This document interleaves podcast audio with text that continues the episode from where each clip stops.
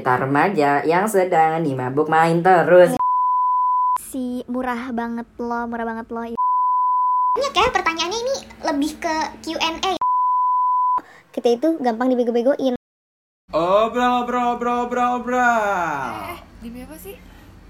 Obral, obral apa nih? Itu loh yang viral. Oh, Obrolan viral. Oke, halo Sobral. Wah, nggak berasa ya, udah hari Kamis lagi nih. Balik lagi sama kita Obral, obrolan viral. Gue Hendra. Gue Inai. Gue Aya. Dan gue Ninis. Dan pastinya nggak lupa nih sama teman-teman di balik suara.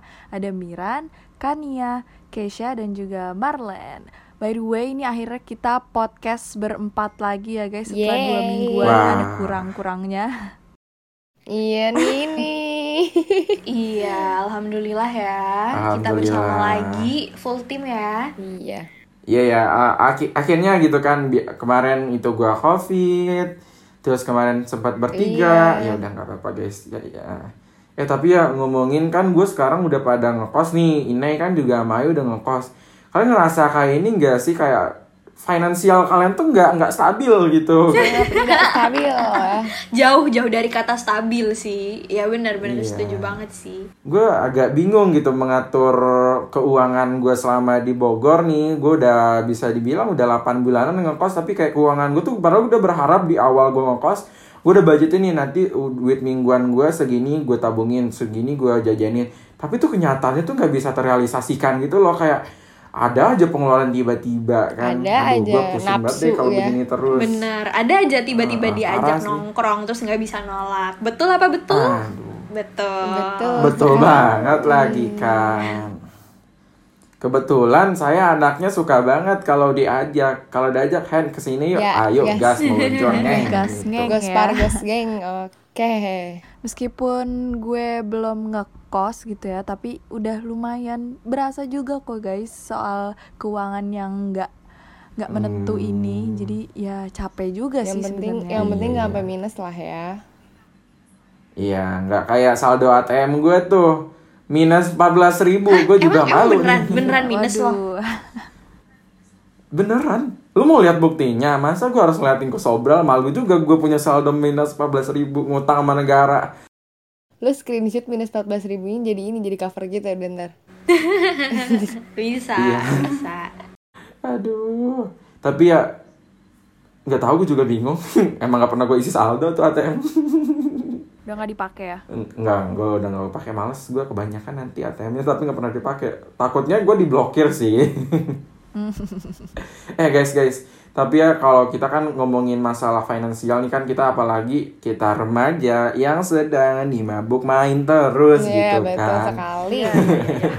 Dia nyanyi. Nah tapi kan gitu tuh kayak jatuh tuh nggak tahu diri gitu loh. Udah tahu uang masih di orang tua, hidup ngekos, tapi masih main sana sini. Gue tuh karena mikir gimana caranya biar gue cepet kaya gitu kan. Hmm, gue tahu sih. Jawaban dari pertanyaan lo yang pengen cepet kaya kayak solusinya tuh apa gue tahu. Kayak lo bisa ngepet gak sih? Waduh. Ah mau. Sepertinya ada seperti seperti sepertinya dari bentuk Kak Hendra sangat berpotensi untuk ngepet menurut gue. Bisa, bisa sih. Enggak, Betul apa betul? ngepet. Betul. gue jaga lilin nggak apa-apa. Oh ya kerjasama buat buat buat obral bisa bisa atau enggak ini juga cari Iya. mama dan papa gula sugar atau daddy Aduh. gimana Mau. Kan lu kalau misalnya Ya bagian itu kali mau. deh. Mau banget lagi. Jangan seru tahu. Seru tahu nemenin mereka jalan terus dapat duit. Hmm. pengalaman pengalaman apa gimana Hen udah ngomong seru-seru aja nih Oh enggak enggak. Eh enggak. Itu based on experience my friends Hmm. saja sih. Waduh, your friends. Ya udah. All my friends toxic. Oh. Ya udah nih ya kalau kata gue kalau misalnya kalian pengen kayak kayak secara praktis mendingan main trading online aja nggak sih, Bestie? Ah, itu apaan trading trading? Gue nggak ngerti lagi. Waduh, gue ngertinya sugar mommy doang yang tadi. Nggak ngerti gue trading tradingan. Gue taunya judi anjir kalau kayak gitu. Sebenarnya sebenarnya sama sih judi sama trading tuh. Oh. Hmm. Tapi kalian tahu kan sama yang si murah banget lo murah banget lo itu yang katanya mau ditangkep itu Oh. gara-gara kasus Ah, penipuan kayak pernah denger Hah? kayak family Oh. yang baru ditangkap banget. yang baru ditangkap bukan Oh, yang si kaya Bukan. itu si Sultan murah banget loh. yang sering flexing Ya, itu iya. kan yang katanya Hmm, nggak akan habis tuh hartanya iya deh. Eh, gue dari tadi konyol banget gak Miskin sih? itu enggak enggak Enggak, gue ya? konyol banget sih dari tadi kayak ngeledek orang gitu. Terus gue kayak mau sugar mommy. Emang iya apa? Enggak, enggak, enggak. Eh tapi ya ngomongin trading nih. Kayaknya itu ini juga gak sih kayak binary option gitu. Tapi gue gak ngerti deh orang-orang sering nyebut itu. Tapi gue gak paham itu apaan anjir. sini gue bantu jelasin jadi binary option itu Widih udah kayak Waduh. expert banget nih gue Oh iya. kasih tahu kasih tahu nih kasih tahu Jangan-jangan si Ninis ininya si murah banget lo ini nih temennya. Aduh. oh afiliatornya juga jangan-jangan sama kayak si itu wah wah waduh Nggak gimana guys, nih gue selanjut cuma tahu sedikit-sedikit doang. Jadi binary option itu pokoknya sesuai sama namanya. B itu artinya dua dan option itu artinya pilihan. Jadi ini tuh adalah produk finansial yang kasih lo tuh dua pilihan ketika lo lagi transaksi gitu loh. Jadi antara naik atau turun pokoknya lo disuruh nebak gitu sih. Hmm, agak berat ya nih bahasan kali ini. Mm-mm. Iya betul ya agak berat. Gue mau nambahin nih biar tambah Waduh, berat, biar tambah mikir nih Ayah. sama kita semua. dosen dosen bu dosen nih ceritanya. Jadi si uh, binary option itu itu kayak wadah gitu loh atau instrumen trading online yang mewajibkan kita atau trader buat memprediksi kayak tadi kata Ninis ini suatu asetnya tuh bakal naik apa turun nan dah kalau misalnya kita udah memprediksi nanti bakal ada kayak kalah menangnya gitu loh nangkep nggak kebayang nggak maksud Oh, gue kebaham kebaham. Berarti yang dua option tadi itu naik apa turun gitu enggak sih? Mm-mm, jadi kita harus milih gitu sih gampangnya Ya ya paham paham paham. Iya juga kan tempat-tempatnya itu yang sebenarnya kita juga udah pada sering pasti kita sering pasti pada tahu lah karena itu juga tersebar di iklan YouTube terus kayak iklan-iklan situs-situs ilegal juga kayak Binomo terus Olim Trade terus IQ Option gitu tahu pada tahu sih Oh. karena dia kayak marak banget di YouTube ngerti gak sih kayak seliuran Iya. mulu iklannya Iya deh, gue bingung juga kayak ini iklan apaan gitu kan. Gue masalah gue nggak ngerti yang masalah beginian. Gue tuh bodo amat deh kalau sama kayak gini tuh. Tapi pas udah dengar dari lu pada nih, gue juga mikir loh. Ternyata gue cukup tertutup ya tentang masalah ini. Padahal kalau gue searching tuh padahal maksudnya ilmu juga gitu buat gue kalau gue ingin tahu. Tapi ya kalau ini ya emang kenapa sih itu bisa jadi bahaya sampai ke penipuan kayak gitu? Apalagi kan yang sekarang lagi rame kan jatuhnya ke penipuan gitu kan. Dia kayak mempromosikan segala sesuatu tapi itu tuh nggak legal di negara kita gitu. Terus gue juga bingung tuh tadi kalian sempat ngomongin masalah afiliator ya tadi. Nah itu emang afiliator itu apaan? Waduh gue kudet banget gak ngerti apa-apaan anjir. waduh banyak ya pertanyaannya ini lebih ke Q&A nanti kita bikin talk show kali ya atau wawancara Oh, lebih ke iya. wawancara bisa Nggak Jadi- mau ya, tapi gue maunya ini. Gue maunya tuh eh, narasumbernya si murah banget loh tadi. waduh susah Wah, kan agak susah kalau kita mau kita mau menghadirkan itu agak susah ya bapak Kan murah banget loh. Kan lagi ditangkap ya Oke, jadi mungkin balik lagi ke topik yang tadi Hendra bahas, Ji ya, bahasa gue udah kayak dosen banget gak tuh, kayak baku banget. Gak apa-apa, gak apa-apa. Cocok, cocok, cocok. Amin. Gue mau dengerin, gue mau dengerin, gue mau dengerin. Oke, jadi gini nih Sobral. Tadi kan eh, kita sempat bahas afiliator, gue sempat nyenggol afiliator dan juga yang tadi ketangkep tuh. Jadi afiliator itu bahasa gampangnya kayak brand ambassador gitu loh, kayak influencer yang mempromosikan si binary option ini. Jadi kayak dia tuh menyuruh orang-orang biar ikut binary option karena dia testimoni dia udah pernah melakukan padahal dia aja ngelakuin enggak gitu loh. Nah terus kenapa bisa dibilang nipu melakukan binary option ini? Karena kayak diiming-imingi janji palsu gitu loh. Kayak pada bilang low cost segala macem. Jadi kayak padahal tuh sebenarnya nggak kayak gitu itu tuh nggak sebenarnya nangkep nggak sih maksud gue apa terlalu berat nih Nangkep, nangkep, nangkep. Nangkep sih, cuma kayak gue berusaha nangkep aja gitu. Tapi nangkep kok. Hmm, bagus bagus. Terus nih eh, gue juga pengen tahu pendapat kalian nih. Kenapa sih ini tuh bisa sebahaya itu? Alasannya apa deh kalau menurut kalian? Kalau kata gue kan namanya yang kayak gini tuh dia ilegal nggak sih kayak ilegal berarti dia itu dilarang dilarang berarti lu bakal mendapatkan suatu apa ya kayak konsekuensi hukum lah gitu. Konsekuensi hukum kalau misalnya lu ngelakuin. Jadi kalau misalnya udah ilegal pasti mencabang ke mana-mana permasalahannya.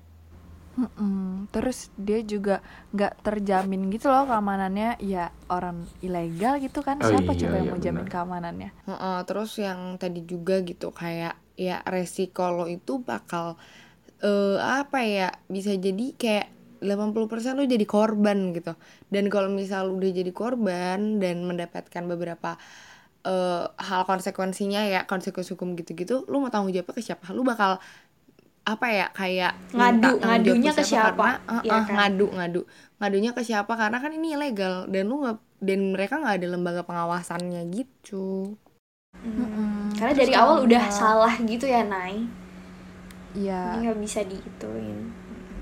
Terus kalau misalnya kita udah rugi nih, terus kayak kalau rugi kan pasti kesel dong, kayak maunya kita pasti menang, terus jadi marah-marah, terus tapi jadi bingung gitu loh mau minta pertanggungjawaban ke siapa karena balik lagi ini tuh ilegal, nggak ada di bawah naungan negara atau siapa pun gitu kan, jadi lepas tangan aja, malah jadi kelabakan sendiri nggak sih? Eh gue ini deh speechless banget sama obrolan kalian yang sangat berat ini ya. Gue kayak ah, oh iya, oh oh gini, oh oh banyak ya ternyata yang kalian ngomongin dari tadi yang gue kayak baru tahu di detik ini juga gitu kan. Terus kayak apa ya? Eh, emangnya dari binary option ini kan tadi sempat ngebahas juga nih kalian kayak bahayanya. Tapi gue nggak ngerti nih cara kerja dari binary option tuh kayak gimana. Hmm, tadi sebenarnya udah sempet disenggol nggak sih sama Inai sama gue sama Ninis juga ya nggak sih? Iya iya? tahu. Coba dong jelasin lagi. loh. Coba Nih, lebih dijelaskan Ah. lagi ya Bapak Hendrawan, tolong didengarkan ya. Oke baiklah ibu dosen Iya baik. Jadi kayak gini.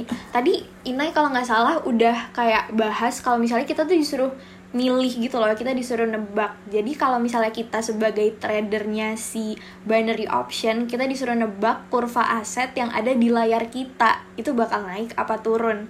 Kalau misalnya tebakan kita benar, kita nggak bakal dapat untung 100%, tapi cuma 80%. Nangkap nggak? Jadi kalau benar cuma dapat 80%, kalau salah kita rugi 100% alias uang kita bener-bener nol. Wow. Jadi kayak se se gambling itu itu loh si binary option itu.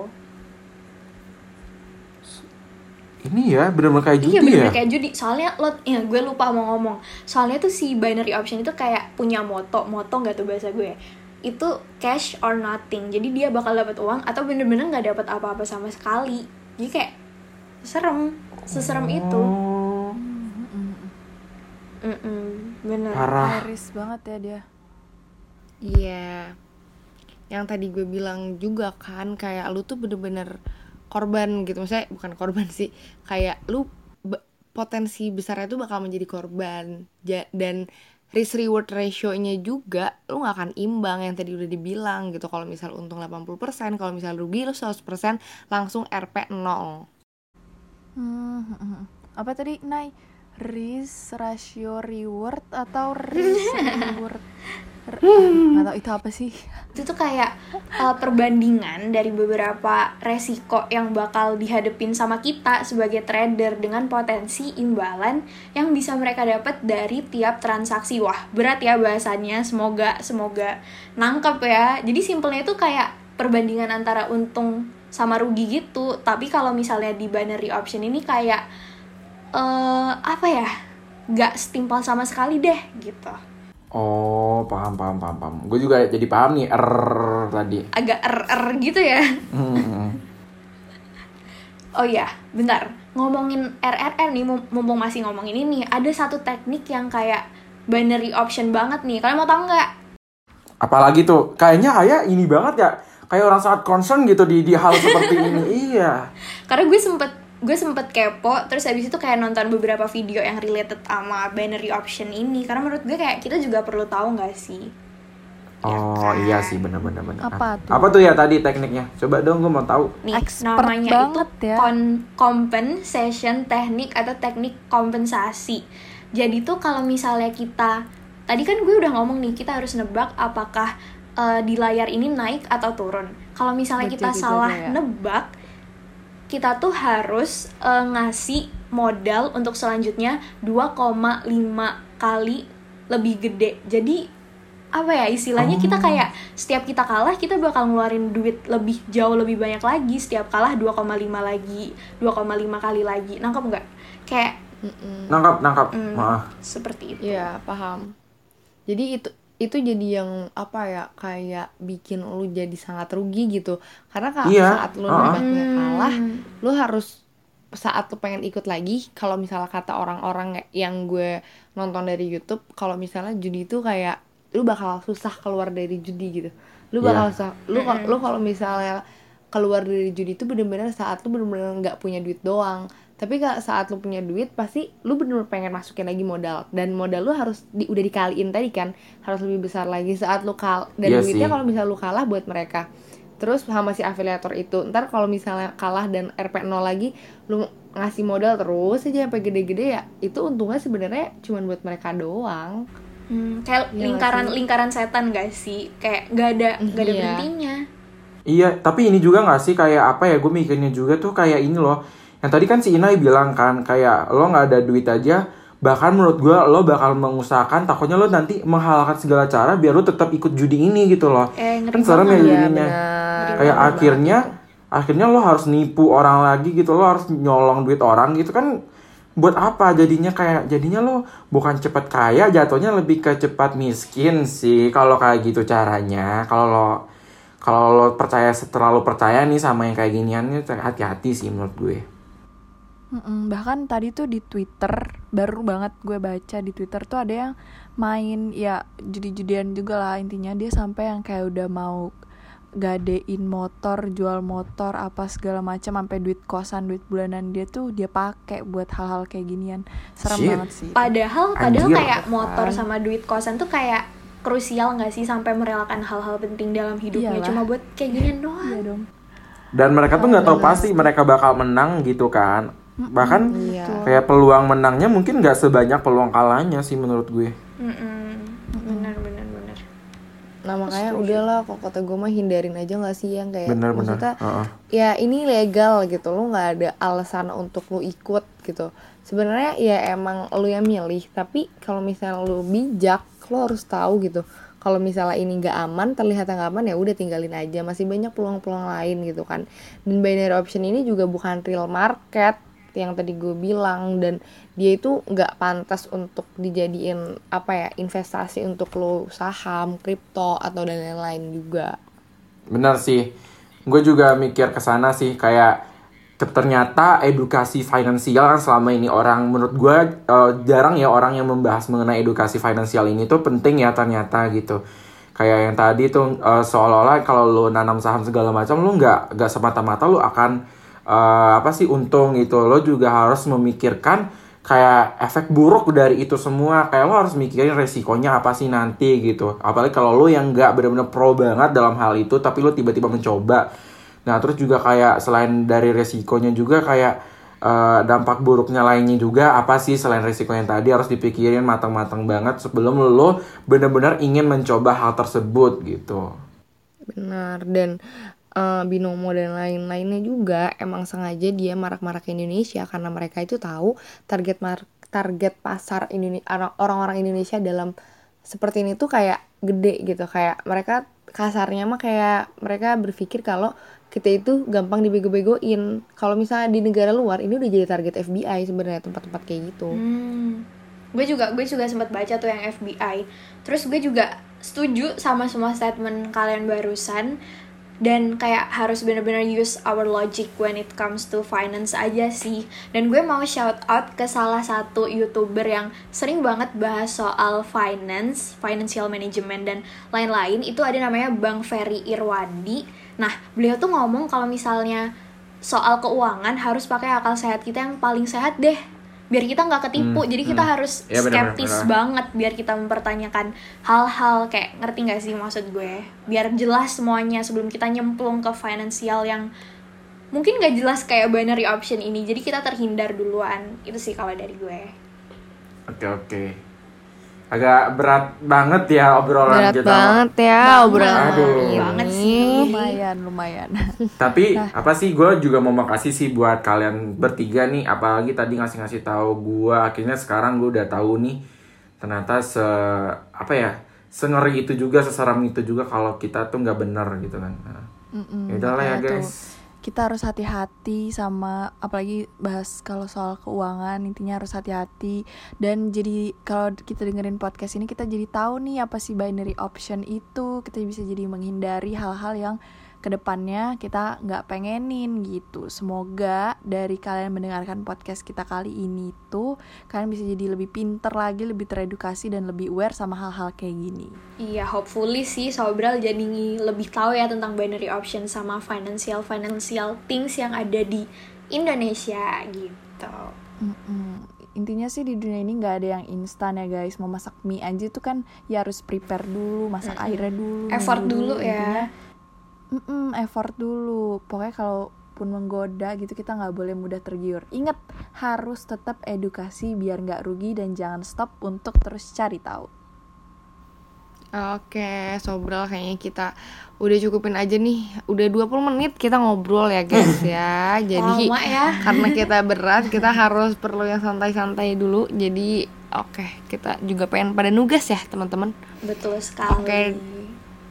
Oke. Ya udahlah, udah. guys. Dadah, dadah Sobral. Bye bye Sobral. Terima kasih Thank you. Sobral. Minggu depan. Dadah. Dadah, sampai ketemu minggu depan. Yah, demi apa sih obrolannya selesai? Bener nih, kita harus tutup dulu nih untuk episode kali ini. Lah, kira-kira kapan lagi? Kamis depan nih, tungguin ya di Obrolan via